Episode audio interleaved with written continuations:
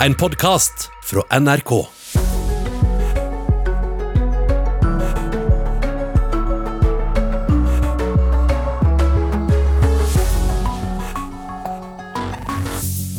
Smittetallene i Norge øker, og det er nå flere nye smittede i Norge per innbygger enn det er i Sverige. Flere bedrifter betaler tilbake koronastøtten uten at det nødvendigvis har vært noe krav om det. For oss var det mest en, en moralsk beslutning. altså. Kim Friele, homoaktivist, fikk ærespris. Og hvilken pris? Skamløsprisen. Har hun følt skam? Og når sluttet hun med det? Vi spør henne ganske snart. Her i Nyhetsmorgen med Ugo Fermarello og Ida Creed. Rundt 30 bedrifter har betalt tilbake pengene de har fått fra kompensasjonsordningen for næringslivet, viser tall NRK har fått fra skatteetaten. Til sammen har de da betalt tilbake rundt 17 millioner kroner, uten at det nødvendigvis har vært et krav om det. For eh, bilforhandleren Birger N. Haug var det ikke et vanskelig valg å gi pengene tilbake. For oss var det mest en, en moralsk beslutning. Altså, vi, var, vi, var, kvalifisert, og vi hadde rett eh, på støtten da vi fikk den. Men så viste det seg at, eh, at tingene endret seg, og da følte vi det var riktig å gjøre dette. Det sier Birger Skjelvik, som er daglig leder hos bilforhandleren. Å betale tilbake de 1,9 millionene jeg fikk i støtte for mars, var ikke en vanskelig beslutning, sier han. Utviklingen på resultat snudde. Og da vi nå ser at vi får et, et tilfredsstillende resultat for, for, 2020, så følte vi at det var riktig å, å, å betale tilbake. Tenker du at andre kan, kan, vurdere det samme som dere hvis de ser at eh, de klarer seg greit allikevel? Nei, altså det, det skal ikke jeg ha mye formening om. Det, vi, det er vel én eller flere allerede, jeg kjenner iallfall én som har gjort det.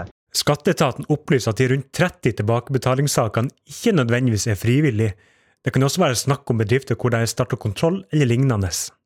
Finansminister Jan Tore Sanner syns det er veldig fint at bedrifter som sier at de ikke har behov for kompensasjon, betaler tilbake. Jeg vil oppfordre bedrifter til å, å bruke den ordningen hvis de har, har, behov.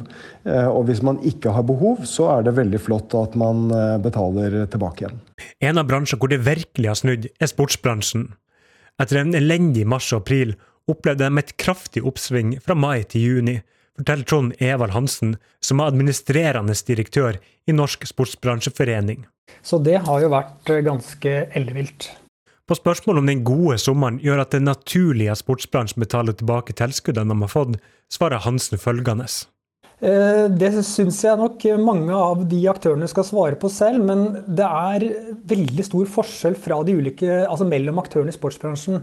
Butikkene i kjedene til G-sport, Intersport, Sport1 og Sport Outlet mottok minst 4,6 millioner kroner fra kompensasjonsordninga. Sport Outlet understreker at de vil prioritere å bevare likviditeten med den store usikkerheten som er. Ledelsen i de andre kjedene opplyser at de fleste butikkene deres har lokalt eierskap og ledelse, og at det derfor er opp til dem lokalt å vurdere hva de skal gjøre med koronapengene. Hansen sier at sportsbransjen ikke kom spesielt godt ut av ordninga, siden tilskuddet tok utgangspunkt i to vintre med mildt sagt skuffende salg. Og Det gjorde også at uh, dette normaliseringsgrunnlaget for å vurdere nivået for omsetningsnedgang i 2019 mot, uh, 2020 mot 2019 ikke slo veldig gunstig ut for sportsbransjen. reporter her var Fredrik Kampervold. For første gang siden 1. april er det registrert mindre smitte av koronavirus per innbygger i Sverige enn i Norge. Av 100 000 nordmenn er det de siste syv dagene registrert 1,4 nye smittetilfeller, og tallet i Sverige er 1,1. Nå er det grunn til å vende blikket sørover mot Danmark og Europa, sier assisterende direktør i Folkehelseinstituttet, Espen Rostrup Nakstad absolutt grunn til å følge med på andre land enn Sverige nå. Utviklingen i mange europeiske land nå er veldig bekymringsfull, og også vil kunne påvirke oss med da importsmittetilfeller hvis man reiser til slike land. Og vi skal um, ha litt mer om bakgrunnen for uh, det Nakstad sa her, litt etter klokken syv i Nyhetsmorgen skal fortsatt handle om eh, korona, fordi eh, forsikringene for studenter som skal studere utenlands har store forskjeller nå. Enkelte selskaper dekker studenter som er i såkalte røde land på smittekartet, mens andre ikke dekker.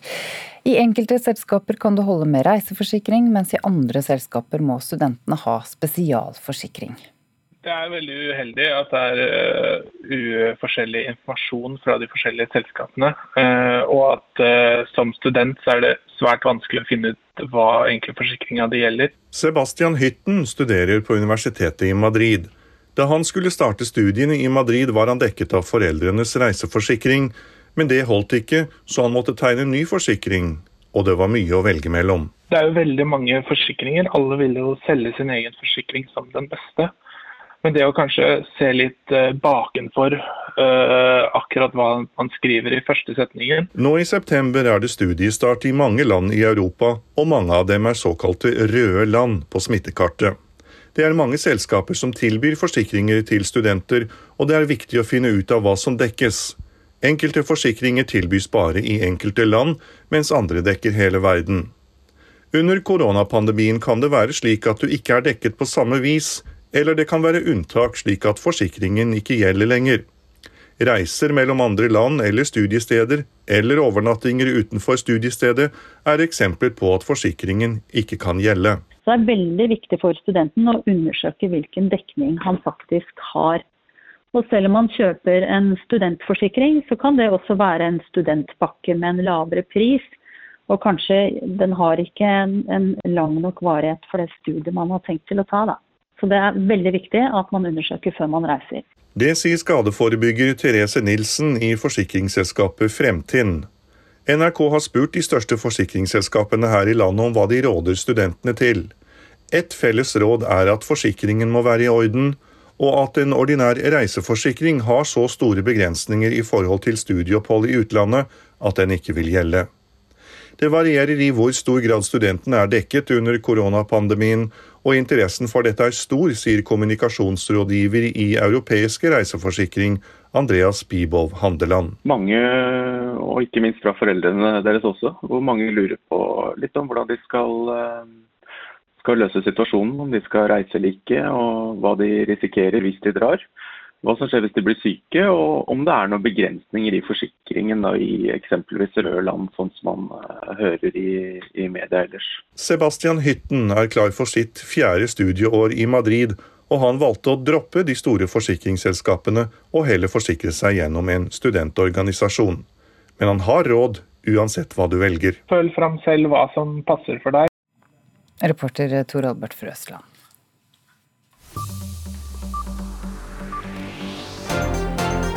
Dette har skjedd i natt. Tyfonen Haishen nærmer seg Sør-Korea. I går traff den Japan med kraftig vind og nedbør. 71 millimeter regn på én time enkelte steder. Dette er den andre tyfonen som treffer eh, sørlige deler av Japan på én uke.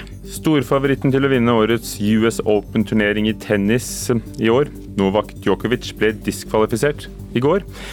Han traff en linjedommer i halsen med en ball, som han slo i frustrasjon. Djokovic beklager oppførselen sin og sier at han føler seg trist og tom. En person er pågrepet etter at en mann ble stukket med kniv på gaten i Groruddalen i Oslo i går kveld. Lenge trodde politiet at mannen var blitt skutt, men undersøkelser på sykehuset viste at han var blitt knivstukket. Offeret er ikke livstruende skadet. Dette skjer i dag, og NRK Nyheter er sted å følge med. Det norske fotballandslaget møter Nord-Irland på bortebane i nasjonsligaen i Belfast i kveld. Landslagstrener Lars eh, Lagerbäck har varslet endringer eh, i laget, som tapte mot Østerrike fredag kveld. Den europeiske menneskerettighetsdomstolen i Strasbourg skal ta stilling til om den vil behandle anken fra Norge i to saker om norsk barnevern. Det betyr at hvis Storkammerpanelet, som eventuelt skal ta for seg ankene, vil gjøre det, så vil de andre klagene på det norske barnevernet måtte vente til resultatet er klart i de to sakene, skriver Rett24. I dag starter en rettssak mot en 51 år gammel mann som er tiltalt for å ha misbrukt mindreårige jenter i mange år. Blant dem er en kvinne fra Sunnfjord som sier hun ble voldtatt av mannen en rekke ganger, fra hun var 11-12 til hun var 16 år gammel. Uten at hun hadde anmeldt mannen til politiet i 2018, hadde ikke mannen blitt tatt, sier politiet. For hadde ikke hun kommet og anmeldt dette, så hadde ikke vi kommet i kontakt med, med de andre fornærmede. Så uten henne hadde ikke det vært en, en sak per i dag. Det sier politiadvokat Kristine Wisløff til NRK. Fra den unge kvinna fra Sunnfjord gikk til politiet og fram til i dag, har det vært krevende etterforsking. Etterforskere fra flere politidistrikt og Kripos har jobba seg fram mot rettssaka, som starter i dag. Den 51 år gamle mannen fra Innlandet står nå tiltalt for alvorlige seksuelle overgrep mot fem mindreårige jenter. Det forteller etterforskningsleder Helene Nordhagen Vabø. Og da har man til slutt endt opp med en tiltalebeslutning hvor det er fem ulike fornærmede. Eh, så er det hun som da var opphavet, som har møtt ham på nettet. Eh, de andre fornærmede er på en måte unge personer som han har hatt i sin omgangskrets. Eh, enten da pga. familiære relasjoner eller andre relasjoner nært tilknyttet han. Den tiltalte har i mange år hatt en jobb som har gjort at han har reist mye rundt i Norge. Han har også vært en høyt respektert mann i ulike miljø i heimbygda i Innlandet. Nå har han vært varetektsfengsla siden 2018, men nekter for å ha voldtatt flere mindreårige jenter, sier mannen sin forsvarer Ivar Hauge. Han eh, erkjenner ikke straffskyld på noe punkt i tiltalen. Han har altså sittet lenge varetektsfengsla nå. Hvordan har det vært for han å sitte så lenge i fengsla, med, med, tanke på at han mener sjøl han er uskyldig? Eh, han har opplevd det eh, som belastende, eh, det er klart. Og han har jo gitt uttrykk for det, at det har vært vært tungt å sitte i varetekt så lenge. Men trass i at mannen nekter straffskyld, er politiet overtydd om at det er en svært alvorlig sak de har rulla opp. Ikke minst pga. vitnemålet fra Sunnfjord-kvinna. Hun møtte mannen på nett da hun sjøl var tolv år, og i en vanskelig livssituasjon. Så det er jo en alvorlig sedelighetssak eh, der det er en tiltalt som har, eh, har eh, nå blitt eh, satt under tiltale for overgrep mot eh, unge kvinner i eh, sin egen omgangskrets, og som han gjerne skulle være en trygghetsperson for. Politiet har etterforska saka bredt. De har analysert data, de har gjort mange avhør, og de legger ikke skjul på at de mener at det kan være flere offer. Men det er vanskelig å bevise. Men vi kan jo ikke utelukke at det også finnes flere utover de vi har eh, snakket med. Dem. Det sa etterforskningsleder Helene Nordhagen Vabø til slutt. Reportere var Roy Hilmar Svendsen og Geir Bjarte Jetland. Rundt 30 bedrifter har betalt tilbake pengene de har fått fra kompensasjonsordningen for næringslivet, viser tall fra skatteetaten. Det er stort sprik i hva det koster å forsikre seg hvis du er nordmann og studerer i et såkalt rødt land. Nå er det flere nye smittede i Norge per innbygger enn det er i Sverige. Det var ved midnatt registrert 11 388 koronasmittede personer her i landet, viser foreløpige tall. Det er en økning på 92 meldte tilfeller siste døgn. Nå skal det handle om tennis her i Nyhetsmorgen. Novak Djokovic en ener på tennisbanen. Eh, han er tippet til å kanskje vinne US Open-turneringen, men nå er han diskvalifisert fra det hele. I fjerde runde i kampen i går kveld så skadet han en av linjedommerne da han slo bort en ball som ikke var i spill. Ren frustrasjon, og dommeren var tvunget til å diskvalifisere ham. Eh, sportsreporter Thomas Lerdal, hva skjedde hvis du tar med oss fra A til Å? Nei, altså Det her er jo en eh, Novak Djokovic storfavoritt i denne turneringen, som faktisk møter motgang da i fjerde runde mot uh, spansk motstand, Pablo Carena Busta.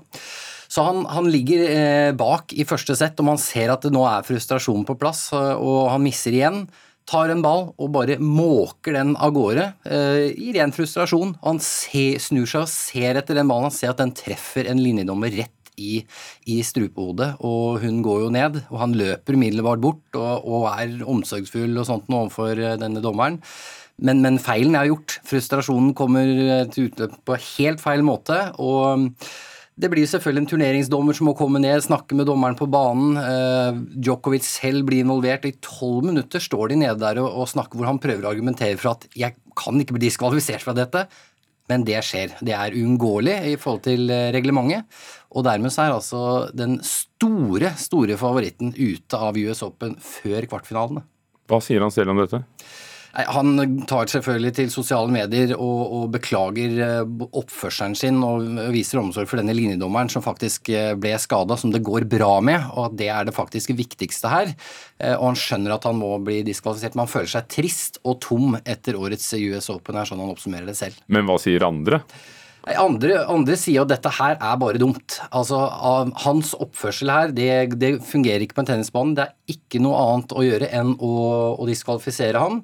Eh, Tim Henman har jo også opplevd dette for 25 år siden. Han var også da eh, uheldig, hvis vi sier det på den måten, når frustrasjonen kommer til uttrykk på den måten, og, og ble også diskvalifisert. Så de, de støtter at han er ute. Og hvis han var favoritt til eh, å vinne i US Open, eh, hva skjer med turneringen nå? Hvem er altså, favoritter nå? Her var både Rafael Nadal og Roger Federer fraværende. Han var den ene virkelig store. Nå er han også ute. Det her kommer til å bli en sensasjonell avslutning der en eller annen vinner en Grand Slam for aller første gang. Eh, og der er nok Dominic Thiem fra Østerrike den aller største favoritten. Så kanskje enda mer spennende turnering? Og jeg tror nok det er mange som nå støtter Djokovic og skjønner at han har det vondt, men dette er også en mulighet for de som er igjen. Takk, reporter Thomas Lerdal. Sårene etter fornorskningen har ikke grodd, og mange av dem som opplevde dette på kroppen, klarer fortsatt ikke å snakke om det. Når Sannhets- og forsoningskommisjonen reiser rundt i Nord-Norge for å samle inn historier, er det ofte yngre slektninger som forteller på vegne av de eldste, som altså fortsatt sliter med skammen de ble påført av norske myndigheter.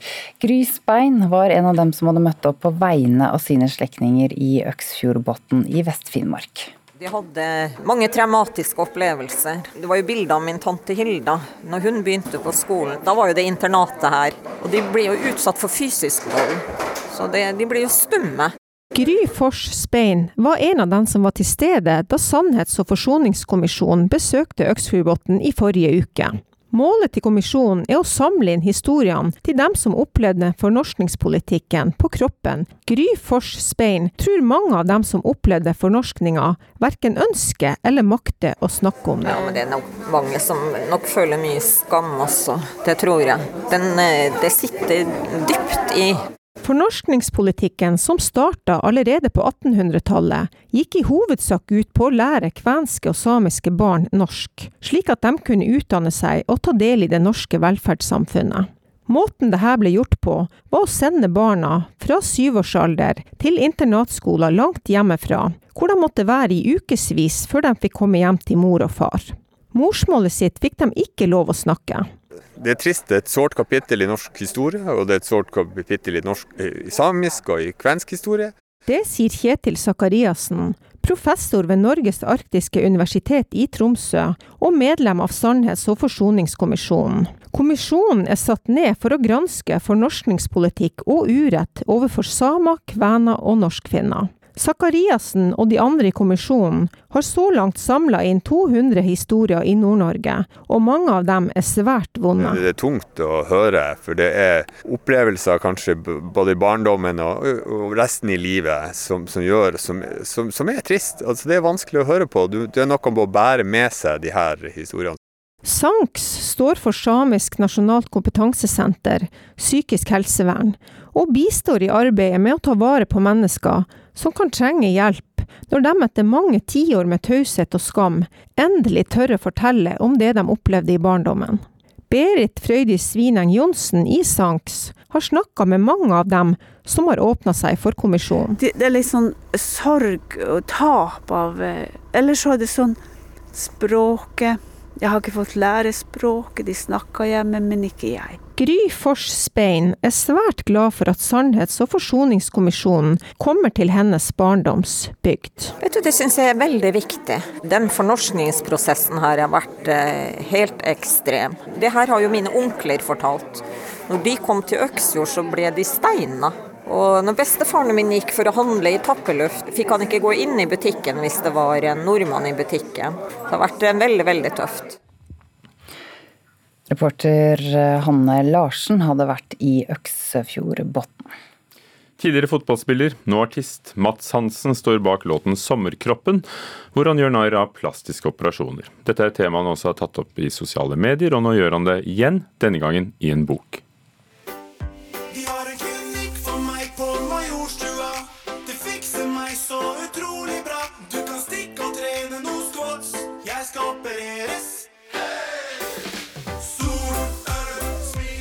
Nå kommer Mats Hansen ut med en bok hvor samme tema tas opp.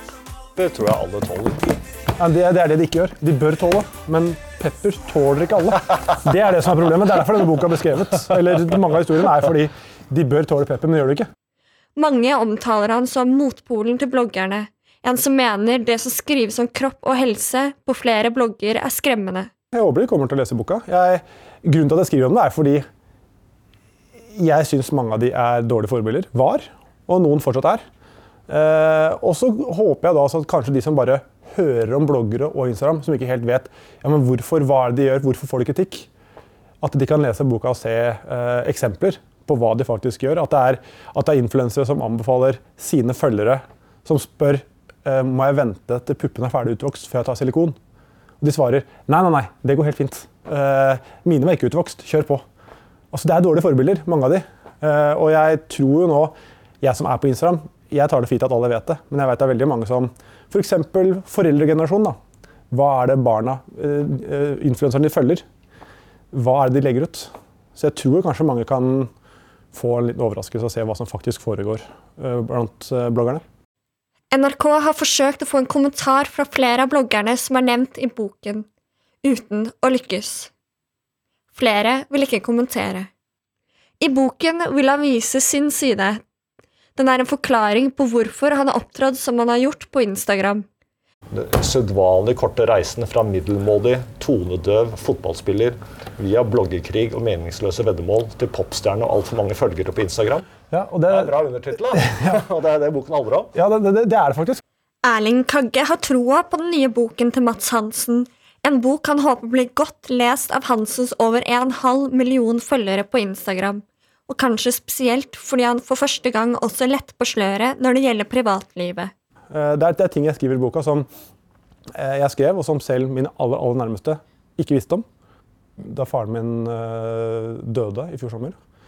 Og det siste halvåret hvor han ble dårligere og dårligere. Jeg hadde en samboer som var gravid. Magen hennes ble større og større. Veldig rart. Oppi alt det her så var det masse jobb. Hvor jeg da fikk beskjed Eh, på skjult kameraopptak. Eh, fikk beskjed halvtime før det at faren, min, faren din har kreft i spiserøret. Eh, vondt. Da skulle du da skru om og gå rett og på kamera og gjøre det. Fortalte Mats Hansen til vår reporter Heather Ørbekk Eliassen.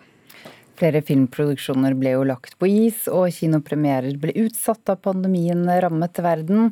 Men eh, den filmen du skal få høre om nå, kan ikke skylde på koronaforsinkelser. Den skulle hatt eh, premiere for 37 år siden. Litt i lengste laget for å vente for publikum. Hva kan du si om denne filmen, kulturreporter Linda Marie Fedler? Og endelig er ventetiden over for de som har sittet og ventet utålmodig på grøssefilmen Grizzly to The Revenge. Eller Hevn. Filmen ble spilt inn i 1983 og da, eller har både George Clooney, Charlie Sheen og Laura Dern i hovedrollene. Og de var bare 21, 16 og 17 år da denne filmen ble spilt inn. Um, og den ble også da Charlie Sheens uh, første krediterte spillefilm. Det er store navn, da. Men hvorfor uh, har det tatt så lang tid å få denne filmen ferdig? Denne amerikanske filmen den ble spilt inn i Ungarn, og produsenten, eller regissøren, var en uh, som aldri hadde laget film, film før i det hele tatt. Og det var da scenene for, med spesialeffekter skulle spilles inn at produsenten plutselig forsvant tok med seg resten av budsjettpengene. Og det, filmen ble ikke finansiert på nytt. Inntil nå, da, 40, nesten 40 år senere. En ny produsent har kommet på banen og ferdigstilt resultatet. Og vi kan jo høre et lite lydklipp av hvordan det høres ut. What happened now? Grizzly killed again. Three kids this time. I don't want a cloud of fear on this concert. Now you get that, Grizzly, and get it now. Ja, hva handler denne filmen om? Ja, som filmtittelen sier, så handler det om en grizzlybjørn, og da en temmelig mannevond en også. Eh, Grizzlymammas unger blir drept av, de blir drept av noen eh, krypskyttere, og nå ønsker hun hevn. Og så er det en stor musikkfestival som arrangeres i nærheten. Og da har du den kjente oppskriften på gressefilm 'Ungdommer i skogen'. Et sint udyr så tenker jeg resten sier seg selv. Men kan det, dette da bli en suksess nå som eh, opptakene er så gamle? Forgjengeren Grizzly fikk ikke akkurat eh, stående ovasjoner. Anmelderne slaktet den, for den kom rett etter Haisommer, som da var veldig stor, i 1976. Men hvem vet, kanskje vi er mer klar for grizzlygrøss i 2020? Vi får se. Takk, kulturreporter Linda Marie Fedler. Fredag ble årets Skamløs-pris delt ut. Den gikk til journalist Morten Hegseth for TV-serien Homoterapi. Den gikk på VGTV i fjor høst. Og for første gang en ærespris. Skamløsprisens ærespris, som i år, går til Kim Friele. God morgen, Kim Friele. God morgen, god morgen. Og gratulerer. Det er altså organisasjonen Sex og Samfunn som gir ut denne prisen. De kaller deg en legende, en pioner, en foregangsperson. Kim Friele, har du følt skam for den du er, før? Nei, nei, aldri. Jeg har ikke følt skam i det hele tatt, så det må være noe galt med meg. Jeg har aldri følt skam. Så de har helt rett, du er rett og slett skamløs? Jeg er skamløs, men, men du vet, skamløs kan også bety det motsatte. Eh, man sier jo 'hun er skamløs', sa man om meg i gamle dager. Så det kan bety begge deler, nemlig være uten skam eller fullt av skam. Bare sånn for sikkerhets skyld. Du er en eh, foregangsperson for Eh, arbeidet med å fjerne straffeloven som forbød eh, sex mellom menn. Du har stått på for homofiles eh, rettigheter. Du var en av de første som sto frem, og du, du giftet deg med din Wenche og, og sto på i en tid da mange kanskje nettopp følte skam over å være den de var, og, og ha den seksualiteten de hadde. Hva, hva vil du si til den som kanskje fortsatt føler skam? Jeg vil si at det er det ingen grunn til. Vi er alle forskjellige, og vi eh, skal glede oss over den vi er, og leve med den vi er. Leve som vi er. Ikke leve andres liv, men leve sitt eget liv. Det vil jeg si til dem. Og jeg vil si det er ingenting å skamme seg over. Det er da elendigheten begynner. Hvis man først borer seg inn i at man har noe å skamme seg over. Det har man aldeles ikke. Takket være din innsats så ble også da homofili strøket eh, ikke bare fra straffeloven, men som psykiatrisk diagnose. Vil du si at denne kampen bare har gått én vei fremover, som du ser det? Ja, jeg vil for så vidt si det, men det er jo aldeles forferdelig at jeg har brukt uh, eh, 57 år av mitt liv på uh, og, og kjempe for ja, minoriteters rettigheter. Og, og, men fremover har det jo gått. Men hjelpe meg hvis det skal ta 50 år for hver ting man klarer å kjempe seg igjennom, så skal det se nydelig ut. Så jo da, det har gått fremover, men seint. Hva håper du å oppleve, for du er jo bare 85 år gammel, eh, å oppleve før du gir deg for godt?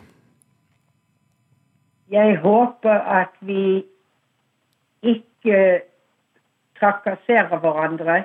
Jeg håper at alle mennesker etter hvert får samme verd, og at man får virkelig likhet og frihet og goder for alle, og ikke bare for majoriteten. Det er det jeg håper. Og jeg håper at de unge får en lettere komme ut-periode enn det var i min tid i 1960 hjemme hos mine foreldre. Takk skal du ha, Kim Friele. Du fikk altså æresprisen, eh, Skamløsprisens ærespris eh, på fredag. Du har fått så, så mange priser. Er det, er det, stas? Ja, det er uvirkelig. Det er veldig, det er veldig stas. Jeg ville, jo, jeg jo være full av skam hvis jeg etterpå visste at jeg hadde sagt det. Ja, nei, det er, det, det er storartet. Og det aller mest storartede var jo da da jeg fikk uh, da jeg fikk uh, ridder av første klasse av St. Olavs orden. Det, det, var toppen på en vidunderlig kransekake. Takk skal du ha, Kim Friele, for en vidunderlig prat her i Nyhetsmorgen med oss direkte fra, fra Geilo på tråden. Denne helgen har det vært demonstrasjoner mot koronatiltak i flere land. Hvorfor ser vi ikke de samme protestene mot koronatiltak her i Norge? Det spør vi jusprofessor Hans Petter Graver om etter Dagsnytt her i Nyhetsmorgen.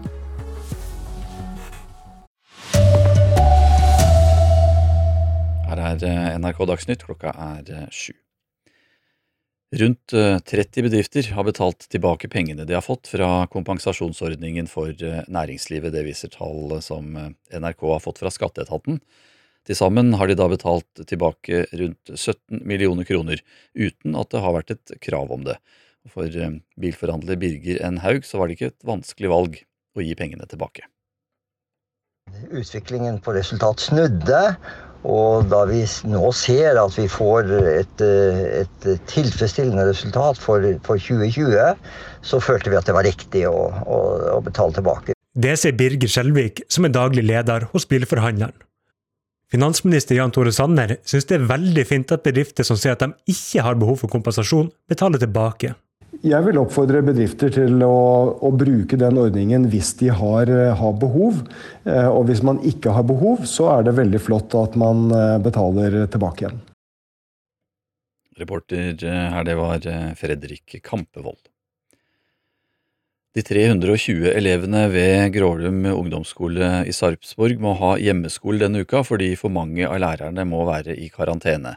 Sju av 20 skoler i kommunen er berørt av det pågående karanteneutbruddet i området. Det er påvist 75 smittede i Sarpsborg og 137 i Fredrikstad. Og det var ved midnatt registrert 11 388 koronasmittede personer her i landet. Det viser tall fra Folkehelseinstituttet. Det er en økning på 92 tilfeller siste døgn. 16 personer får behandling på sykehus for covid-19-sykdom, og det er registrert 264 døde på grunn av sykdommen her i landet. Det er satt i gang en større leteaksjon i Namsos etter et eldre ektepar som er meldt savnet av familien. Letingen foregår i et turområde nordøst for sentrum, etter at politiet har funnet bilen til ekteparet der. Familien har ikke hatt kontakt med ekteparet siden torsdag kveld, og meldte dem savnet i går. En mann ble stukket med kniv i Groruddalen i Oslo i går kveld. Han er ikke livstruende skadd, og én mann er pågrepet. Politiet meldte først at mannen var blitt skutt, men undersøkelser på sykehuset viste at mannen ble stukket med kniv. Den serbiske tennisspilleren og storfavoritt til å vinne årets US Open, Novak Djokovic, er diskvalifisert fra turneringen. Det skjedde da han traff en linjedommer i halsen med en ball som han slo vekk i frustrasjon etter et ferdigspilt poeng. Djokovic beklager oppførselen sin, og skriver på Instagram at han føler seg trist og tom etter det som skjedde. NRK Dagsnytt, Anders Borgen Werring.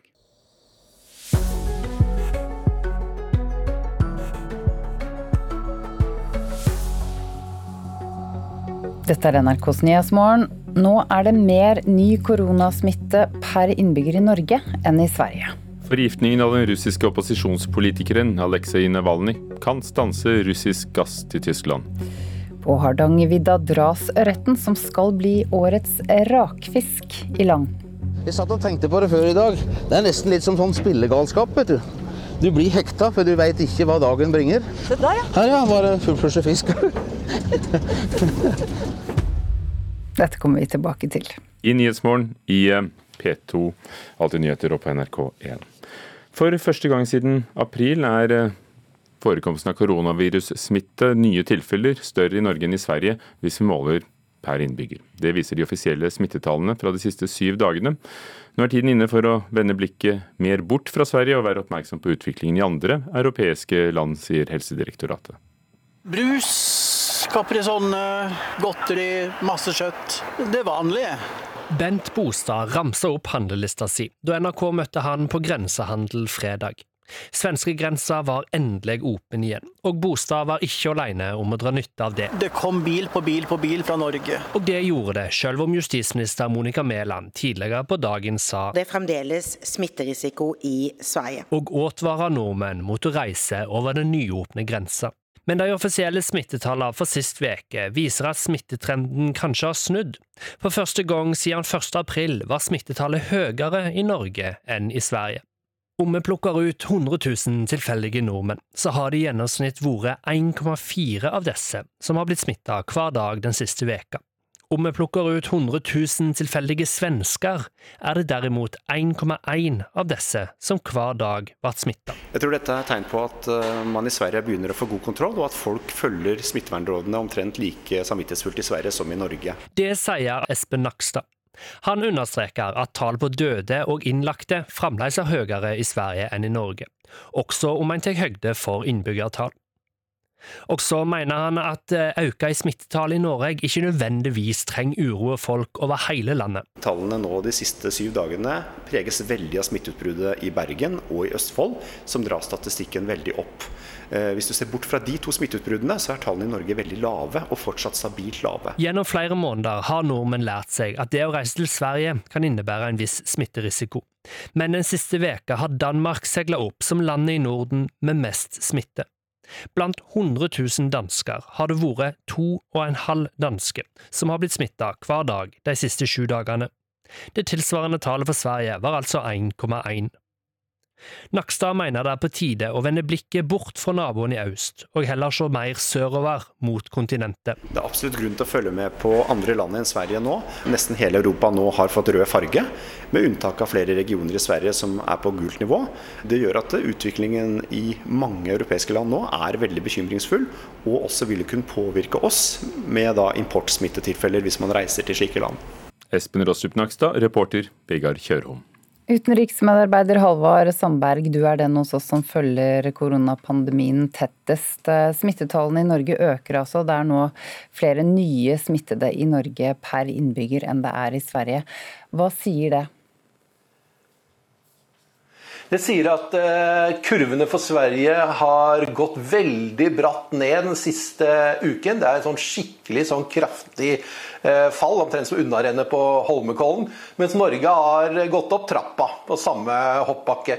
Så det er en, eh, en stor, stor, stor forskjell mellom Norge og Sverige hvordan kurven har vært. Og da har vi Norge faktisk gått forbi Sverige akkurat nå. Så vi ser om det holder seg. Sveriges statsepidemiolog Anders Tegnell har jo antydet eh, akkurat det som ser ut til å skje nå. Betyr det at Tegnells tro på immunitet faktisk kan slå til? Eh, mistet jeg dere, så vi får heller komme tilbake til eh, mer om dette her senere. Det var synd. Da kommer vi tilbake. Så Men det er greit, vi kommer tilbake til Håvard Sandberg senere, vi da. Og vi vender blikket utenriks. Den tyske utenriksministeren Heiko Maas avviste i går de russiske påstandene om at Tyskland haler ut tiden i etterforskningen av forgiftningen av opposisjonspolitikeren Aleksej Navalnyj. Utenriksmedarbeider Gro Holm, hva er bakgrunnen for utspillet? Bakgrunnen for det er at eh, Russlands, en, en eh, talskvinne for det russiske utenriksdepartementet, Maria Zakharova, hun har eh, beskyldt Tyskland for å hale ut, for ikke å godta at russerne vil samarbeide med Tyskland. Og det mener altså Mas er feil, skal vi høre her. Dass wir diesem Rechtshilfeersuchen schon längst zugestimmt haben, das haben wir auch als wir ein Gespräch mit dem russischen Botschafter in der letzten Woche geführt haben, ihm gesagt, auf Nachfrage, dass wenn es ein Rechtshilfeersuchen geben wird, ja, her sier altså utenriksminister Heiko Maas i et intervju med ARD, en tysk fjernsynskanal i går, at de har for lengst eh, informert eh, Russlands ambassadør til Tyskland om at Russland er eh, klar til å gi juridisk bistand, som de sier, til, til russiske myndigheter. Altså, de vil gjerne samarbeide. Navalny var jo innlagt i Sibir, og det tok litt tid før en organisasjon fikk hentet ham ut med ambulansefly til eh, sykehuset i Berlin, hvor han nå ligger til behandling. Har tyske etterforskere kommet noe nærmere svaret på hvem som står bak forgiftningen av Navalny?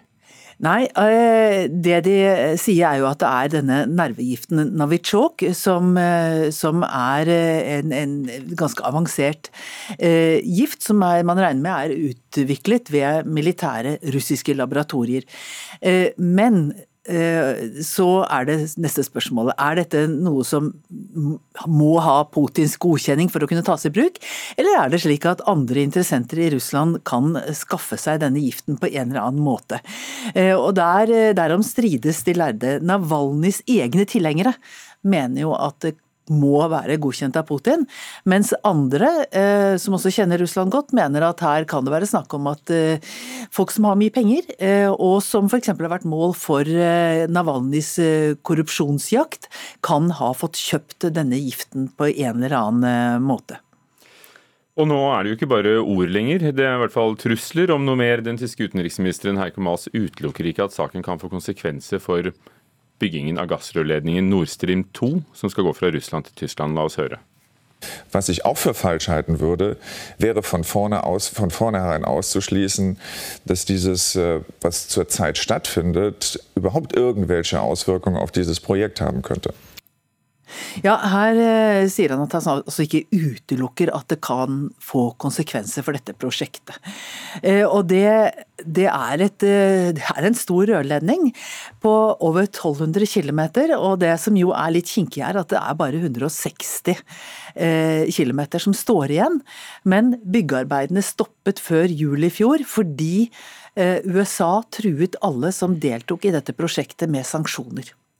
Sånn at det prosjektet står allerede litt på vent, og det er eh, usikkert hvilken fremtid det har.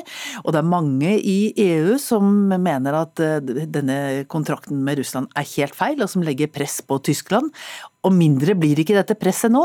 Eh, så, her har vi altså en tysk utenriksminister som er presset for lengst akkurat på dette prosjektet her, eh, og som nå, som nå eh, står under press for å gjøre noe for å demonstrere overfor Russland at den type opptreden finner vi oss ikke i.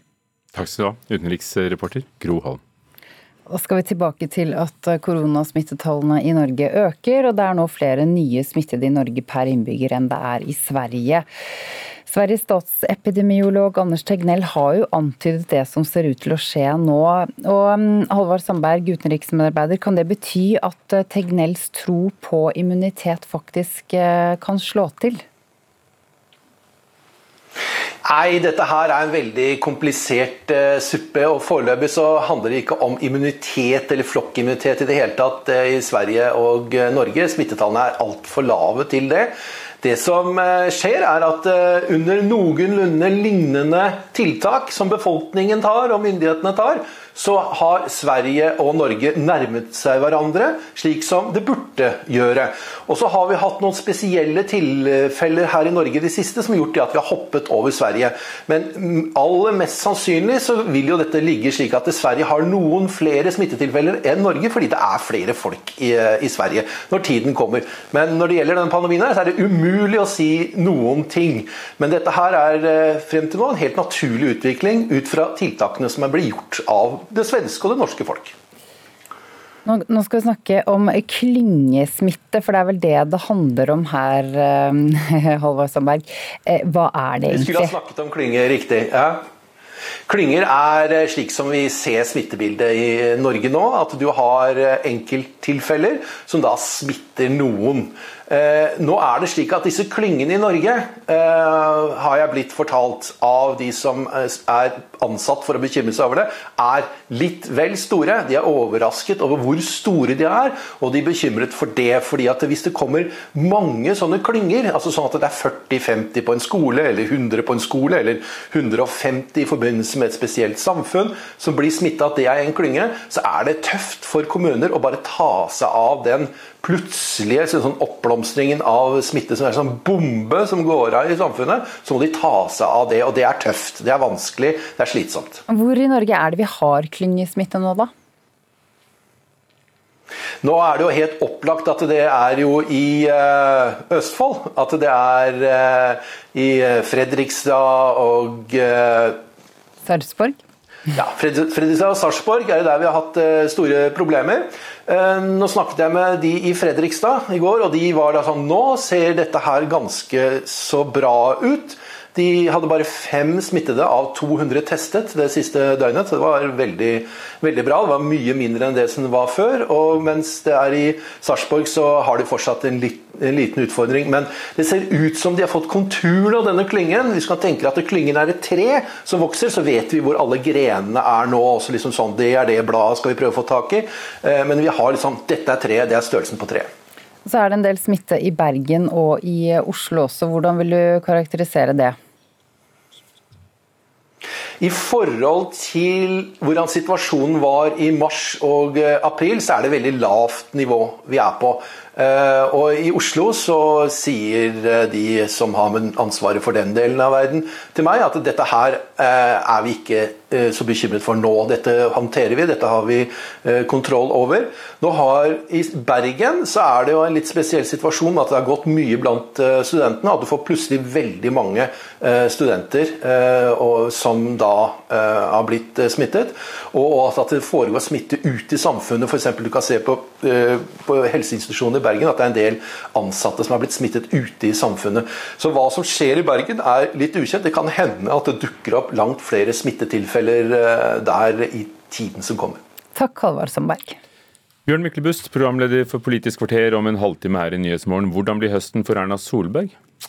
Den kan bli tøff. Regjeringen har ikke flertall, og for å få vedtatt et statsbudsjett og for å overleve, så må de nesten bli enige med Frp. Og I helgen så varslet partileder Siv Jensen tøffe krav inn mot budsjettforhandlingene som kommer. og ett av kravene utfordrer særlig KrF og Venstre, og det er at Frp vil at Norge skal ta imot langt færre kvoteflyktninger. Så det blir debatt mellom Frp og KrF kvart på åtte.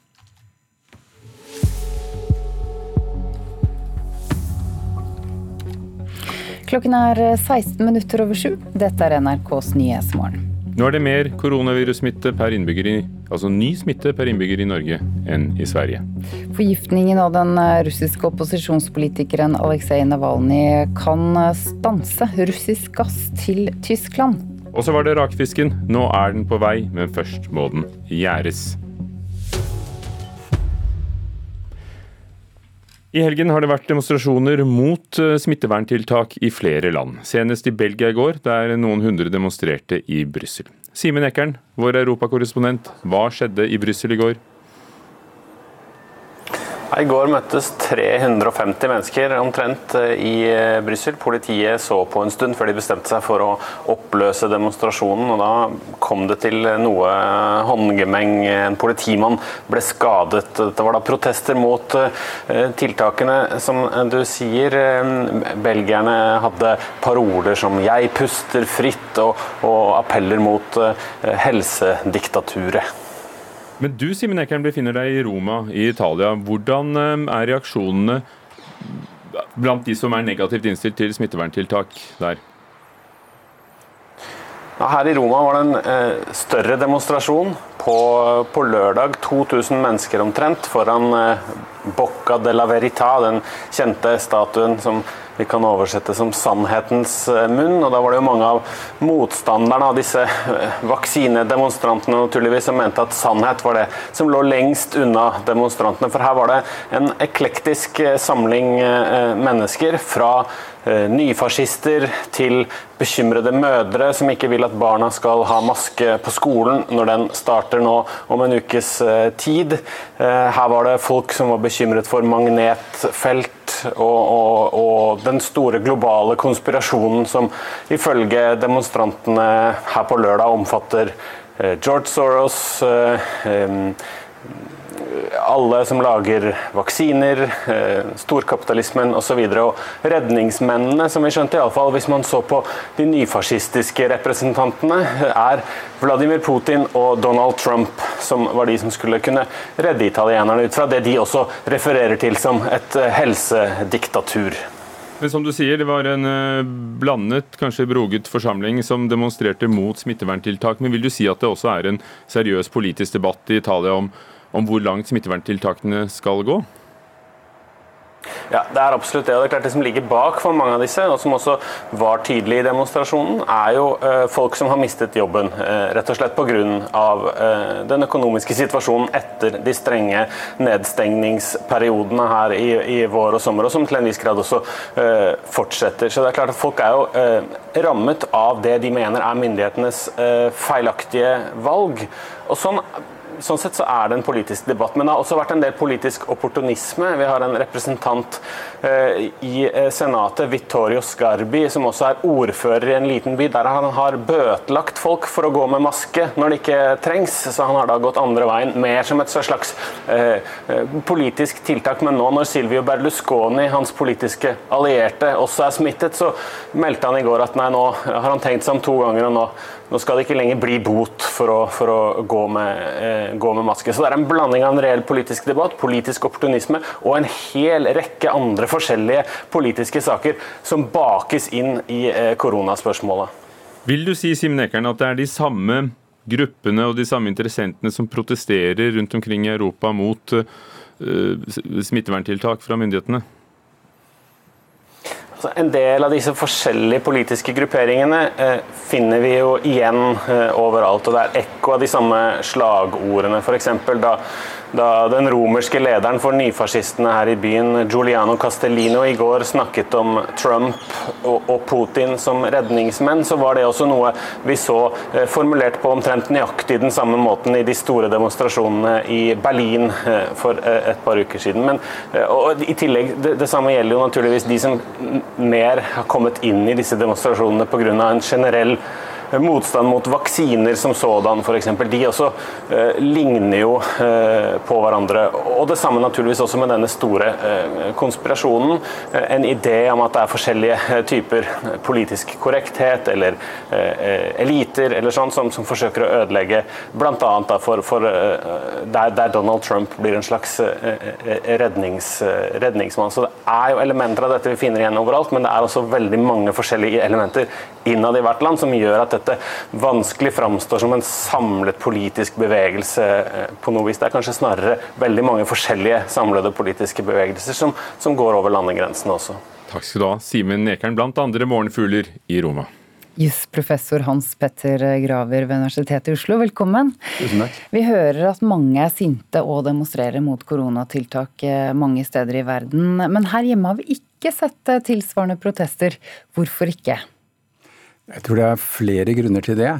En eh, grunn er nok den store tilliten som eh, vi i Norge har til våre myndigheter, som eh, vi ikke finner i mange andre land. Og så tror jeg at selve smittesituasjonen har betydning. At vi har hatt relativt lite smitte sammenlignet med mange av disse landene. Og, og dermed har også tiltakene som myndighetene har satt inn, vært mye mindre inngripende hos oss enn i mange av disse landene.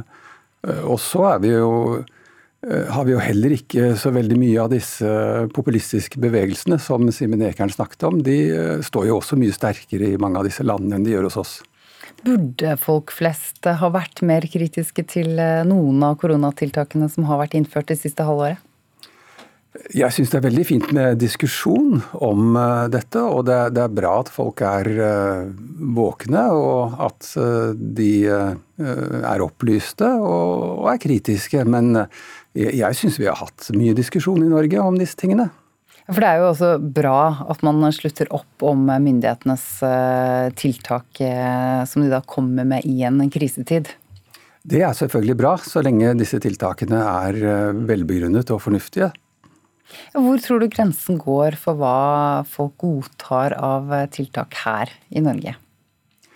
Det er jo vanskelig å si. Altså, folk som er uh, redde, og samtidig i en situasjon hvor de har mistet jobben, står i en vanskelig økonomisk situasjon osv., vil nok godta mindre enn uh, en folk som er uh, opplyste og, og, føler en trygghet for sin tilværelse. Nå øker altså smitten i Norge. Vi har flere nye smittetilfeller her i, i Norge nå enn, enn de har i Sverige. Hva slags tiltak tror du skal til for at folk går ut i gatene og demonstrerer, også her? Foreløpig så er jo de tiltakene som myndighetene setter inn eh, relativt målrettede. Sånn at de eh, rammer jo ikke sånn som eh, hele befolkningen, sånn som de gjorde i mars-april. Men det er klart, får vi en sånn situasjon, og med en stor uh, smitteøkning, mange sykehusinnlagte og, og, veldig omfattende og vidtgående tiltak, så vil det nok kunne bli eh, større roligheter her også. Takk, jusprofessor Hans Petter Graver ved Universitetet i Oslo. Takk. Noen drømmer om rakfisken de skal spise til jul, og da er det godt å vite at det er i disse dager den fanges. På fiskevann rundt omkring i Norge fiskes det opp fjellørret som skal bli til den lekreste rakfisk. Her ser du. Nå er flott en. Wilhelm Håvardsrud trekker garn i Langesjøen midt inne på Hardangervidda. Han er fjerde generasjon rakfiskprodusent, og bak roret styrer sønnen Halvor. 110 garn på faste plasser har de ute på sjøen. Jeg satt og tenkte på det før i dag. Det er nesten litt som sånn spillegalskap, vet du. Du blir hekta, for du veit ikke hva dagen bringer. Se der, ja. Her, ja. Bare fullflusje fisk. Mange fisk pleier å få per garn, da? Nei, hvis vi får en kilo per garn, så skal vi være fornøyde. Ja. Så, men det er mye arbeid òg. Hvis det er hardvær, så er det tøft. Det kan det være òg. De kjører fra garn til garn. Noen er det mange i, og andre mindre. Det lyser i øynene til Numedølen. Det er like spennende hver gang. Hvor stor er fisken? Han er 750 gram, tre kvart kilo. Helt ideell til raking. Feit og fin, brei over ryggen. Gjennomsnittlig vekt er 600 gram ca. Mye fisk blir det i løpet av en sesong? Ja. Jeg håper at vi skal ta ut av fjorden mellom 2 og 2,5 tonn. Fins ikke maken til raka fisk med lauk og lefse Å rake fisk har lange tradisjoner i Numedal pga. fisken på Hardangervidda.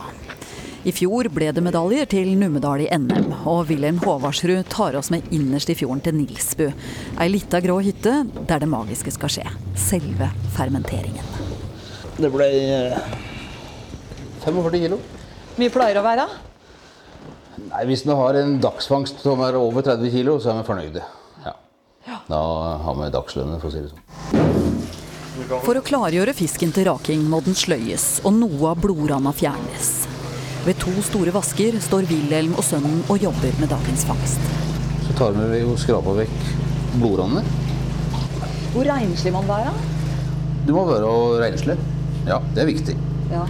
Så det er jo spesielt det med jordbakterier, men det er en, en matvare som ikke blir varmebehandla, og derfor er det her så veldig nøye. Hva er det som bestemmer styrken, da? Ja, det er litt for mye blod og slim som er igjen på fisken. Og så er det temperaturen du lager deg på, og saltmengden. Så var det saltet, da. Han står over den rene fisken, og med vante hender fyller han gjeller og buk. Knekker skallen litt og legger salt i gjellene. Hvor mye salt har du oppi? Det skal være 6 ut av fiskevektet. Og så legger en i dunken. Og der legger en da andføttes, slik at den blir liggende så tett som rå. Hva er det som er en god rakfisk for deg, Wilhelm? En god rakfisk for meg? Ja. det er vanskelig å svare på. Ja. Men vi vet akkurat hvordan vi skal ha den. Ja. Den fulle dunken settes inn på kjøla. Et rom som holder seks grader, og som egentlig er en Der. gammel jordkjeller. Da skal han få stå og godgjøre oss i iallfall i tre måneder. så blir det god mat til jul. Det var eh, rakfisken sine, eller det, det blir det i hvert fall eh, snart. Det er bare å glede seg til julen kommer. Eh, Reporter på Hardangervidda, Karoline Bekkelund Hauge. En rekke kvinner fra nærings- og samfunnslivet har skrevet under et opprop som krever at herreklubben Norske Selskap åpner også for kvinner. Oppropet er signert 27 kvinner fra ulike bransjer i norsk næringsliv, mange i lederposisjoner, skriver Dagens Næringsliv. Senest i vinter, etter at et eget utvalg utredet spørsmålet, sa klubbens generalforsamling nei til å ta opp kvinner som medlemmer. Og denne uken starter rettssaken mot uh, samboeren til tidligere justisminister Tor Mikkel Wara.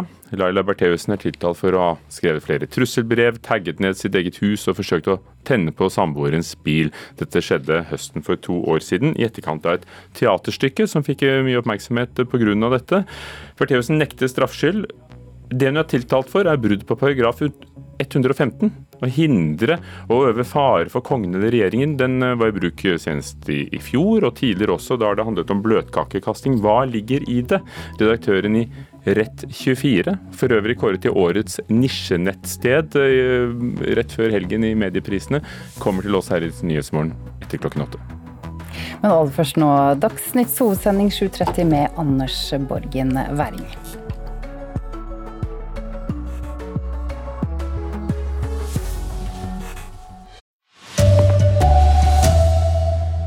Den siste uka er det registrert mer koronasmitte per innbygger i Norge enn eh, i Sverige. Navalnyj-forgiftningen kan stanse russisk gass til Tyskland. Det er eh, stor forskjell på forsikringene for studenter som skal studere i utlandet. Her er eh, NRK Dagsnytt, klokka er 7.30. De siste sju dagene så har altså koronasmitten per innbygger vært større i Norge enn i Sverige. Sist gang smitten var større i Norge enn i Sverige var 1.4. Folkehelseinstituttet mener det nå er mer grunn til å være bekymret for situasjonen lenger sør i Europa enn i Sverige. Brus, Caprisonne, godteri Bent Bostad hadde bilen full av godsaker da NRK møtte han på svenskegrensa fredag. Sammen med mange andre nordmenn hadde han tatt turen til Sverige, selv om justisminister Monica Mæland tidligere på dagen sa Det er fremdeles smitterisiko i Sverige. og advarer nordmenn mot å reise til Sverige, men nå kan kanskje sjansen for smitte være større på den norske sida av grensa. Om vi ser på tall fra den siste veka og plukker ut 100 000 tilfeldige nordmenn, så fikk i gjennomsnitt 1,4 av disse påvist smitte hver dag sist veke. Om vi plukker ut 100 000 tilfeldige svensker, er det derimot 1,1 av disse som har smitta hver dag den siste veka. Jeg tror dette er tegn på at eh, man i Sverige begynner å få god kontroll, og at folk følger smittevernrådene omtrent like samvittighetsfullt i Sverige som i Norge. Det sier assisterende direktør i Folkehelseinstituttet, Espen Nakstad, som understreker at den norske smitta hovedsakelig er lokalisert til Bergen og Østfold, og at Sverige fremdeles har flere innlagte og døde, uansett hvordan en teller. Likevel kan det være grunn til å være mer opptatt av landene sør for oss enn naboen i øst. Det er absolutt grunn til å følge med på andre land enn Sverige nå. Utviklingen i mange europeiske land nå er veldig bekymringsfull, og også vil kunne påvirke oss med importsmittetilfeller hvis man reiser til slike land. Det sa Espen Rostrup Nakstad, som altså er assisterende direktør i Helsedirektoratet. Reporter her, det var Vegard Kjørom. Tallene i saken er hentet fra VGs oversikt over smittesituasjonen i Europa. Utenriksmedarbeider Halvard Sandberg, du er den hos oss som følger koronautviklingen tettest. Smittetallene i Norge øker, hører vi altså. Det er nå flere nye smittede i Norge per innbygger enn i Sverige. Hva forteller det oss? At du ikke bør gå til VG for å se det, for dette er en trend vi har sett nå en uke i de europeiske smittetallene.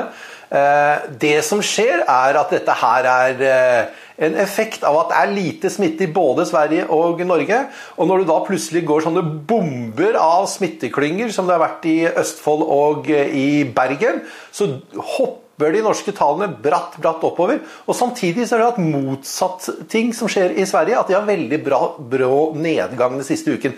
Derfor har disse to linjene krysset hverandre, og Norge er nå over Sverige. Men det er fordi at enkelte ting slår veldig, veldig kraftig ut på slik statistikk. Sveriges statsepidemiolog Anders Tegnell han har jo antydet nettopp det som skjer nå. Kan det bety at Tegnells tro på immunitet kommer til å slå til? Ja, Det Tegnell har antydet, er det at det, når statistikken, regnskapet, slakteriregningen gjøres opp om et år eller to, så er det likt mellom Norge og Sverige. Men slik ligger det ikke an. For de antall døde til nå i Sverige er jo langt, langt høyere. Det er ti ganger mer per befolkning enn det er i Norge. Slik at hvis det ikke går katastrofalt dårlig i Norge i løpet av de neste åtte-ni månedene, og veldig mye bedre i Sverige, så vil ikke Tegnell ha rett i sine antakelser. Kort til slutt, Halvard. En vaksine, hvor langt unna er det? Ja, Donald Trump sier at den kommer i oktober. Ekspertene hans sier at den kommer i januar. Og norske myndigheter sier at vi vil begynne vaksinering sannsynligvis rundt sånn sommerstid her i Norge. Så får vi se hvem som har rett. Da skal du ha, utenriksmedarbeider Halvard Sandberg. Skal høre at rundt 30 bedrifter har betalt tilbake pengene de har fått fra kompensasjonsordningen for eh, næringslivet. Det viser tall NRK har fått fra skatteetaten. Til sammen har de da betalt tilbake rundt 17 millioner kroner, uten at det nødvendigvis eh, har vært et krav om det. For bilforhandler Birger N. Haug så var det ikke et vanskelig valg å gi penger tilbake. Utviklingen på resultat snudde, og da vi nå ser at vi får et, et tilfredsstillende resultat for, for, 2020, så følte vi at det var riktig å, å, å betale tilbake. Det sier Birger Skjelvik, som er daglig leder hos Bilforhandleren. Skatteetaten opplyser at de rundt 30 tilbakebetalingssakene ikke nødvendigvis er frivillige. Det kan også være snakk om bedrifter hvor de starter kontroll eller lignende. Finansminister Jan Tore Sanner synes det er veldig fint at bedrifter som sier at de ikke har behov for kompensasjon, betaler tilbake. Jeg vil oppfordre bedrifter til å, å bruke den ordningen hvis de har, har, behov. Eh, og hvis man ikke har behov, så er det veldig flott at man eh, betaler tilbake igjen. En av bransjene hvor det virkelig har snudd, er sportsbransjen. Etter en elendig mars og april opplevde de et kraftig oppsving fra mai til juni forteller Trond Evald Hansen, som er administrerende direktør i Norsk Sportsbransjeforening. På spørsmål om den gode sommeren gjør at det er naturlig at sportsbransjen betaler tilbake tilskuddene de har fått, svarer Hansen følgende. Eh, det syns jeg nok mange av de aktørene skal svare på selv, men det er veldig stor forskjell fra de ulike, altså mellom aktørene i sportsbransjen. Reporter her, det var Fredrik Kampevold. Utenriks nå, for uh, Tysklands utenriksminister Heiko Maas varslet i går at forgiftningen av den russiske opposisjonspolitikeren Aleksej Navalnyj kan få konsekvenser for den uh, tysk-russiske gassrørledningen Nord Stream 2. Was ich auch für falsch halten würde, wäre von, vorne aus, von vornherein auszuschließen, dass dieses, äh, was zurzeit stattfindet, überhaupt irgendwelche Auswirkungen auf dieses Projekt haben könnte. Her sier eh, Mas eh, at han ikke utelukker eh, konsekvenser. Utenriksmedarbeider Gro Holm, hvordan skal vi tolke det? Ja, Tyskland ønsker eh, for all del å, å, få denne rørledningen, og jeg tror det Mas forsøker her er bare å kjøpe seg tid. Fordi eh, Tyskland er under veldig press både fra USA og fra EU eh, på å droppe denne rørledningen, som skal sørge for å doble den russiske gassforsyningen til Tyskland. At Tysklands utenriksminister avviste også anklager fra Russland om at uh, tyske myndigheter haler ut tiden i etterforskningen. Uh, hva ligger bak dette? Ja, eh, russisk eh, UD eh, har sagt at det er Tyskland som haler ut et samarbeid om denne etterforskningen. Det sier nå utenriksminister Heiko Maas er bare tull. Og at fordi de har allerede gitt beskjed til den russiske ambassadøren i Tyskland om at de er villige til å gi alle godkjenninger for å kunne utveksle den informasjonen som er nødvendig for å etterforske denne saken også i Russland. Så her er det litt sånn påstand mot påstand. Eh, hvem det er som egentlig haler ut eh, det samarbeidet. Takk skal du ha, utenriksmedarbeider eh, Gro Holm. Vi skal høre at det er stor forskjell på forsikringene for studenter som skal studere utenlands. Enkelte selskaper dekker studentene som er i såkalte røde land på smittekartet, mens andre ikke dekker, eller de bare delvis gjør det. Og enkelte selskaper så kan det holde med reiseforsikring, mens i andre selskaper så må studenter ha en spesialforsikring. Det er veldig uheldig at det er uforskjellig forskjellig informasjon fra de forskjellige selskapene. Sebastian Hytten studerer på universitetet i Madrid. Da han skulle starte studiene i Madrid, var han dekket av foreldrenes reiseforsikring. Men det holdt ikke, så han måtte tegne ny forsikring. Og det var mye å velge mellom. Det er jo veldig mange forsikringer. Alle vil jo selge sin egen forsikring som den beste. Det er mange selskaper som tilbyr forsikringer til studenter, og det er viktig å finne ut av hva som dekkes. Enkelte forsikringer tilbys bare i enkelte land, mens andre dekker hele verden. Under koronapandemien kan det være slik at du ikke er dekket på samme vis, eller det kan være unntak slik at forsikringen ikke gjelder lenger. Så det er veldig viktig for studenten å undersøke hvilken dekning han faktisk har. Så det er veldig viktig at man undersøker før man reiser. Det sier skadeforebygger Therese Nilsen i forsikringsselskapet Fremtind. Det varierer i hvor stor grad studentene er dekket under koronapandemien, og interessen for dette er stor, sier kommunikasjonsrådgiver i Europeiske reiseforsikring, Andreas Bibov Handeland. Mange, og ikke minst fra foreldrene deres også, hvor mange lurer på litt om hvordan de skal eh, skal løse situasjonen, om de skal reise eller ikke, og hva de risikerer hvis de drar. Hva som skjer hvis de blir syke, og om det er noen begrensninger i forsikringen da, i eksempelvis røde land, sånn som man uh, hører i, i media ellers. Ja, Det er også stor forskjell på forsikringene for studenter som eh, skal studere i eh, utlandet, hørte vi her. Reporter i saken, det var Tor Albert Frøsland. Jarand Ree Mikkelsen har ansvaret for NRK Dagsnytt i dag. Jeg heter Anders Borgen Werring.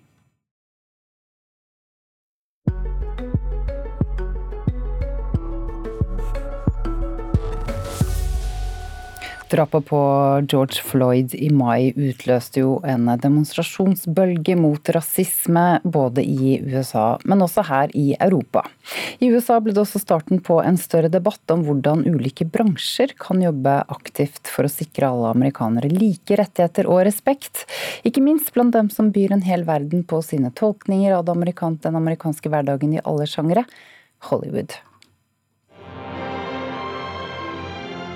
Det var i juni, da store demonstrasjoner mot systemisk rasisme feide over USA og Europa, at de store filmstudioene og strømmetjenestene i Hollywood innså at de måtte ta grep for å bevare tilliten og være relevante i tiden fremover. Støtteerklæringer ble sendt ut til Black Lives Matter, og opprop innad i bransjen skapte debatt. Og plutselig ble filmen tatt av vinden, tatt av luften. Warner Media og HBO sa at filmen ble fjernet pga. dens fremstilling av slaveriet med rasistiske stereotyper. Å fjerne en av tidenes mest populære kjærlighetshistorier falt ikke i god jord hos alle, ei heller hos mange svarte amerikanere. I think these are knee-jerk decisions uh, because we're in the dette er spontane og lettvinte løsninger som kommer pga. den ladede tiden vi nå befinner oss i. Det var det enkleste de kunne gjøre, istedenfor å se på hvordan de faktisk kan skape strukturell forandring, sier Jonetta Sutton i Los Angeles til NRK. Dersom Hollywood virkelig ønsker endring, må de se på rekrutteringsprosessene. De må aktivt hente inn underrepresenterte grupper, som kvinner, minoriteter, lesbiske og homofile. Krever flere i bransjen nå. Jonetta studerte film i hjembyen Chicago før hun flyttet til Hollywood, der hun har jobbet i over ti år. 43-åringen er selv svart og i løpet av sine år i bransjen har hun sett på nært hold det samtalen i stor grad har dreid seg om de siste årene. Hvordan hvite eldre menn styrer showet i kulissene, og hvordan Hollywood derfor ikke fanger opp sider ved det amerikanske samfunnet, og derfor kritiseres for å by på et skjevt portrett av USA. It's still a big problem, you know. The people in the office is still majority white, white and, and male. So, Nå etterlyses hverdagshistoriene om vanlige folk, fri for stereotyper.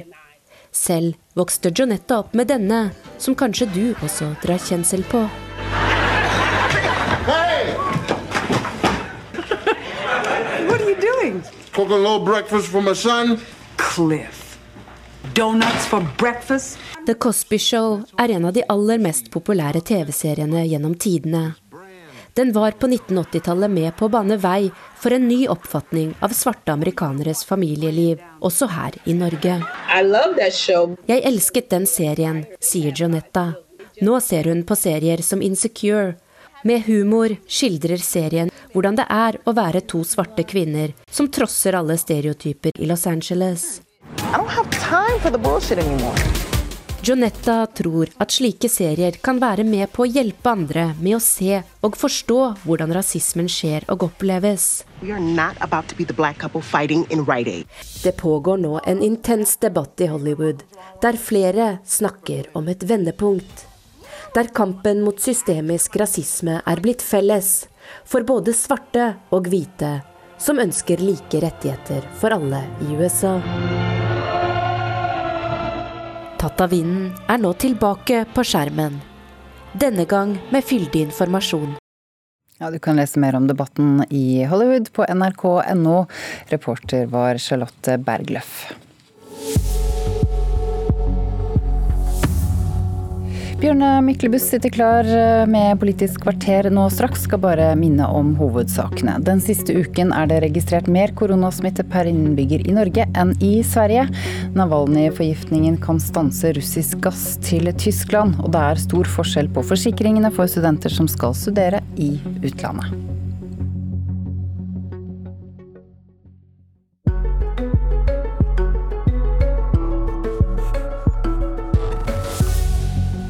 Regjeringen går ikke en lett høst i møte når Fremskrittspartiet sitter i forhandlingsrommet.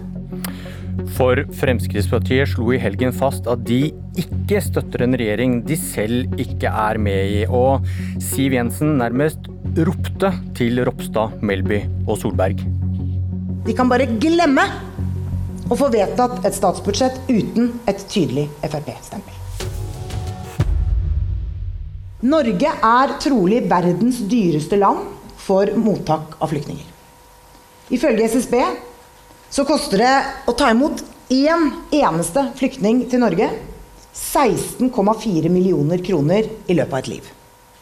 Det vil koste nesten 50 milliarder kroner hvis regjeringen tar imot 3000 kvoteflyktninger til Norge.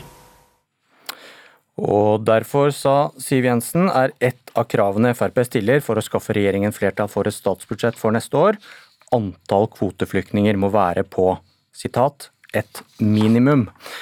Velkommen til Politisk kvarter, Geir Ugland Jacobsen, leder i Oslo Fremskrittsparti. Takk for det. Eh, Oslo har stilt seg bak kravene fra landsstyret, men ville opprinnelig at Frp skulle stille et ultimatum om null asylsøkere. Eh, hva er et minimum? Det er null. Eh, for eh, Oslo er det null. Eh, og kanskje må man ta og gi litt i en budsjettforhandling. Men er det først galt, så blir det ikke mindre galt om det blir mindre av det. Altså Det er like galt med én som det er med 3000. Men kanskje lurt å ikke tallfeste noe, gjør det så uforpliktende at dere aldri kan bli beskyldt for å bryte noe løfte? Ja, Det er ingen grunn til å gå ut nå uh, med helt konkrete tall på hva vi kan uh, akseptere. Vi mener at det er et viktig poeng, sammen med andre, andre, elementer i statsbudsjettet som er relatert til fremmedkulturell immigrasjon, og som er dyrt for Norge. urasjonelt, også totalt sett, humanistisk sett. og Derfor så vil vi gjerne ha en annen form for bruk av bistandspenger og penger til det vi bruker på immigrasjon. Men eh, et minimum, det kan være 300. Et minimum kan også være 3000. Det har, jeg, det har, jeg ikke noe forhold til. Eh, det, skal bare det er det dere har vedtatt? Det skal være så, ja, det skal være så lite som mulig. Og Oslos, eh, Oslos resolusjon i utgangspunktet er null kvoteflyktninger. Vi hørte fra Siv Jensens tale nettopp. Hva er problemet med å ta imot 3000 kvoteflyktninger neste år? Problemet er rett og slett det at vi er rasjonelle, hvis man oppfatter det som et problem. Vi lever i et demokratisk samfunn. Eh, hvor eh, mange beslutninger blir tatt på emosjonelt grunnlag. Eh, jeg er selv bedriftsleder og siviløkonom og er helt avhengig av å ta beslutninger hvis man skal overleve, som er rasjonelle. Det vil si at man bruker pengene der de kaster mest av seg. Og det er ikke på å ta imot kvoteflyktninger. Når Siv Jensen helt riktig sier, og det tallet kan inflasjonsjusteres nå også, for det er ikke helt up to date, at det koster 16,4 millioner i et livsløst perspektiv for en flyktning. Eh, så blir det forferdelig mye penger. Og allerede nå, ut fra den eh, fremmedkulturelle immigrasjonen, enten vi kaller kvoteflyktninger eller hva vi kaller det, som vi har tatt inn til nå, så er faktisk hele oljefondet bortdisponert. Så ille er det. Ok, Men hvis vi tar det som utgangspunkt da, i starten her. Dette er ille. Det er eh, veldig dumt og farlig at Norge tar imot 3000 kvoteflyktninger neste år. Mm. Hvem har ansvaret for at tallet Norge nå skal ta imot i året er 3000? Det, det, blir, det, det, blir, jo, altså Regjeringen må jo skaffe et flertall for uh, en beslutning om å, om å, ta inn så og så mange. Men hvem har ansvaret for at tallet Norge nå skal ta imot i året er 3000? Ja, det, er, det kan godt hende det er forrige regjering, altså en regjering med Frp i. Uh, det Svaret er korrekt, for ja. da dere satt i regjering skrev dere under på å ta imot 3000 i året i Granavolden-plattformen. Mm. Men det var en plattform med diverse elementer, og da blir det et minste felles multiplum som alle partier kan enes om. og Vi satt oss da i regjering med Venstre og KrF, hvor vi også har våre diskrepanser når det gjelder oppfatning av hva som skal gjøres og hvor mye som skal brukes. Men dere skal vel kjempe for det samme i forhandlingene det nå som dere gjorde i forhandlinger når dere satt i regjering, nemlig primærpolitikken deres? Ja, primærpolitikken er null kvoteflyktninger. Når, Og det endte med 3000 forrige gang. ja, det endte med 3000, men det var jo ikke vår beslutning, det var regjeringens beslutning. Det var ikke vår beslutning. Eh, Frp satt i den regjeringen. Du er ikke halvt gravid. Da stiller du deg bak. Siv Jensen stilte seg bak 3000 kvoteflyktninger i året. Ja, men vi hadde 30% av kjøttvekta i eh, regjeringen. Eh, Vi var ikke alene i regjering. Så det er klart at her må man ta og gi. Det er jo som et ekteskap. at Det er ikke alltid du får akkurat som du vil. Det kan hende at du må reise til Nittedalen når du egentlig vil til Kanariøyene på ferie. Er Sånn er det. Men da lurer jeg på, hvorfor er det uansvarlig med 3000 nå, hvis det ikke var uansvarlig da dere støttet det? Hva eh, eh, Frp brakte i marken av, av argumenter den gangen, det vet ikke jeg. Jeg satt ikke ringside og hørte hvordan de diskusjonene foregikk. Mener du det var uansvarlig, da? Å, å, å, å ta 3000 kvoteflyktninger? Ja. Eh, Isolert sett, ja. Isolert sett, ja. Det er en ganske sterk mistillit til din partileder som støttet dette. Nei, det har jeg slett ikke. Men uh, du vet jo at vi snakker om en Granavolden-plattform som vi ikke er bundet av i dag. Det er et kompromiss mellom fire partier. Uh, og da må man ta og gi. Men hvis, ikke, hvis det ikke var primærpolitikken deres dere kjempet for i forhandlingene på Granavolden, hva kjempet dere for da? Vi kjempet for vår egen politikk, og vi har fått gjennom masse også. Uh, og ikke minst har det preget uh, innvandringspolitikken til, til, Norge i de årene vi har sittet i regjering. Uh, men vi får ikke 100% men vi får kanskje 30 da, som er vår impact i regjering. Og, det, det, det, dette er jo logisk. Og sjansen for å få noe mer nå?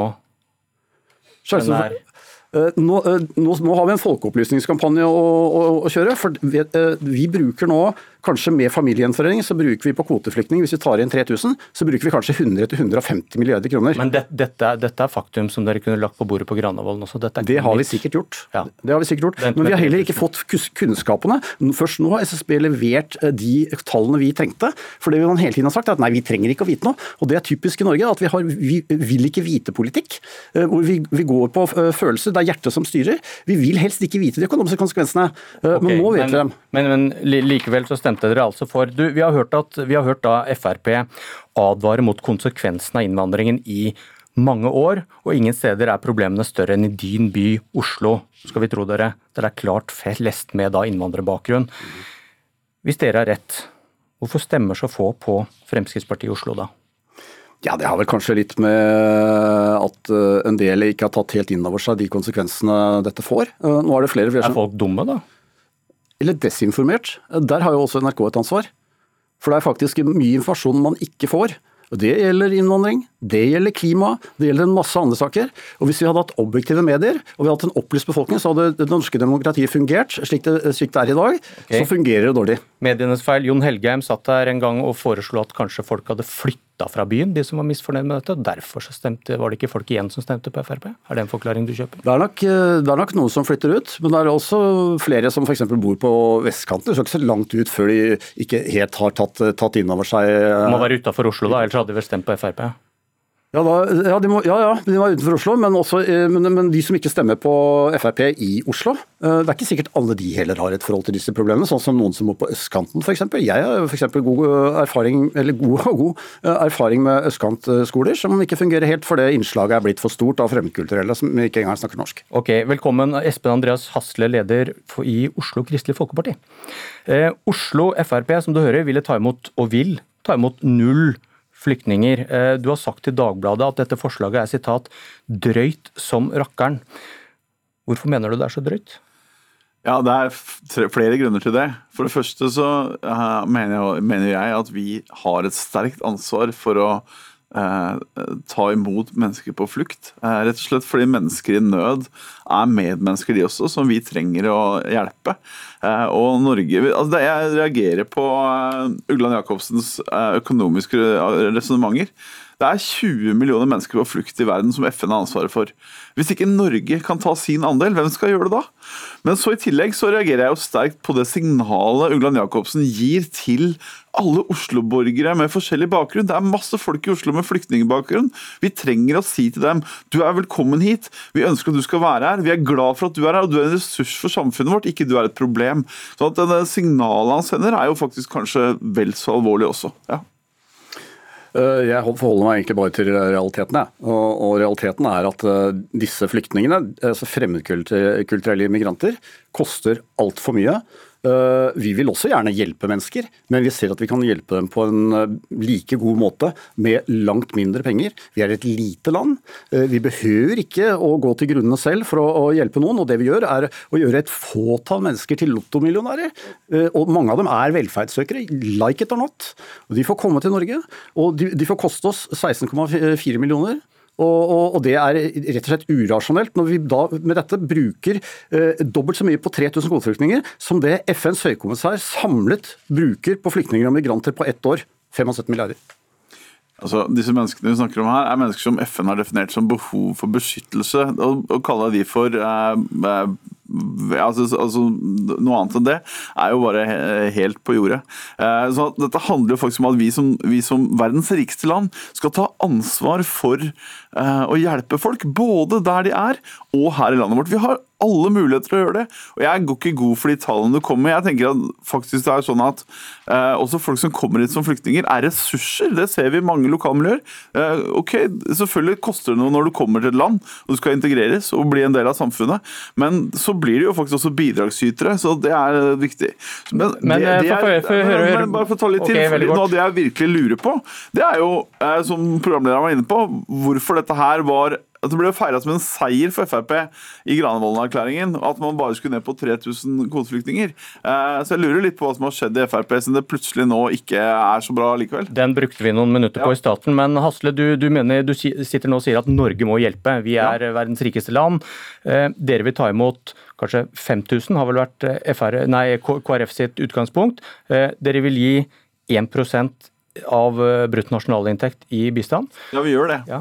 Hvorfor ikke 5% og ta imot 30 000 i året? Nei, Det er jo grenser for hva Norge kan gjøre også. Hva hadde skjedd, hva hadde skjedd hvis vi hadde gjort det? Ja, Det har ikke jeg regnet på. Så at jeg, hva, tenk da, hva ville ja, konsekvensen tar, Hvis vi tar flyktninger, da, så er jo eh, det det FN har bedt oss om å ta, er 5000 i året. Og vi har sagt at vi vil gjøre det FN har bedt oss om. Ja, Men hva hvis eh, summen av den globale viljen ikke er stor nok og behovet er der? Andre svarer jo nei, det vet vi jo. Hvorfor kan ikke Norge ta imot 30 000 i året? 50 000? Det vil jo handle selvfølgelig om økonomiske prioriteringer. så sånn sett så er det jo en, en kostnad her. Så men, dere ønsker også, dere bruker penger på lærere til norske elever, dere bruker penger på kontantstøtte og motorveier. Ja, ja, Istedenfor å gi det til fattige i verden som trenger det mer. Jo, vi, vil gjøre, vi vil gjøre mer for de fattige. og nå, for nå At vi i regjeringen har fått inn 200 millioner til kamp mot moderne slaveri internasjonalt. Det handler jo om at vi faktisk er, vi har lyst til å ta mer ansvar internasjonalt. Og, og, Norge er et av de landene som øker mest på internasjonal bistand fra i fjor til i år. Litt mer enn Frp, det er godt nok? Nei, mye mer enn Frp. Ja, det, det, er, det, er, rørende å høre. Det er hjertet som snakker her, skjønner jeg. Men det, jeg klarer ikke å forholde meg til det, for det er irrasjonelt. Ta et eksempel. Vi har en norsk uh, kreftpasient for eksempel, som trenger uh, behandling i utlandet, trenger en operasjon i utlandet. Den koster 1,5 millioner kroner. Det er en person som ikke er så veldig gammel. får ikke de pengene av staten, har ikke råd selv og dør. Det er prioriteringen. Politikk er prioriteringer. Vi velger å gi 16,4 millioner til et menneske som antagelig ikke engang er i livsfare. Og så har vi en, en norsk person som absolutt er i livsfare. Hvem var det som ikke var i livsfare, sa du? En, en, en, flyktning er ikke nødvendigvis i livsfare, og vi har immigranter som kommer fra Middelhavet. De vi, vi, vet at det er velferd. Jeg stoler ikke på FNs vurdering Vel, om at de trenger å, trenger å, få hjelp. Ja, men det er et uh, diskusjonstema der. Hva vet det, det, du om det, kan man jo spørre da. Det er et sammensatt forum, ja. Men 16,4 millioner for det livet uh, hvis det er livsfare. Påstanden din var at de ikke trengte hjelp, at de ikke var i livsfare. Noen, jeg sa noen ikke trenger hjelp. Og det, det, er sant. Det vet vi alle sammen. Se på båtene som kommer over Middelhavet. To, hør her. 2,7% av de er reelle flyktninger ifølge, ifølge um, det europeiske grensepolitiet. Uh, og, og, da blir det høl i huet å kalle alle, alle, for flyktninger. Og det er det de gjør. Men, men, norske pasienter får ikke den bistanden de skal ha. Et liv verdsatt i det norske helsesystemet er bare en tidel, under en tidel av det vi betaler for en kvoteflyktning. Det er helt høl i huet. Han vil bare prioritere nordmenn litt mer enn deg, Hasle, som du også vil, som vi var inne på. Alle, altså, vi, vi, må gjøre mer for de som er i nød i verden. Det er så enkelt. Ikke så, ikke, ikke så det går utover norsk velferd. Det må vi passe på. Jo, vi skal gjøre begge deler. Ok. Kan vi det? Nei, det, det, det, forholder jeg meg heller ikke til. Det er flere eksempler. Hvorfor går pensjonistene våre nå ned i kjøpekraft? Hvorfor begynner vi nå å trappe ned pensjonene? Jo, fordi pensjonsfondet er allerede bortdisponert. Dette er også en konsekvens. Det blir masse velferdskonsekvenser. Et velferdssystem er et lukket system. Du må putte like mye inn som du tar ut. Det okay. gjør ikke nå. Jeg må bare stille dere kort, kort til slutt. Tror dere partiene deres blir enige når de skal møtes og forhandle om dette? her? Hasle? Ja, det tror jeg. Hjerte og hjerne kan vel alltids bli enige, men eh, det er en viss avstand av minst en halvmeter. Det er nydelig å være hjerte da, i regjeringen. og du sitter ikke i regjering. Takk for debatten. Eh, dette var Politisk kvarter. Jeg heter Bjørn Myklebust.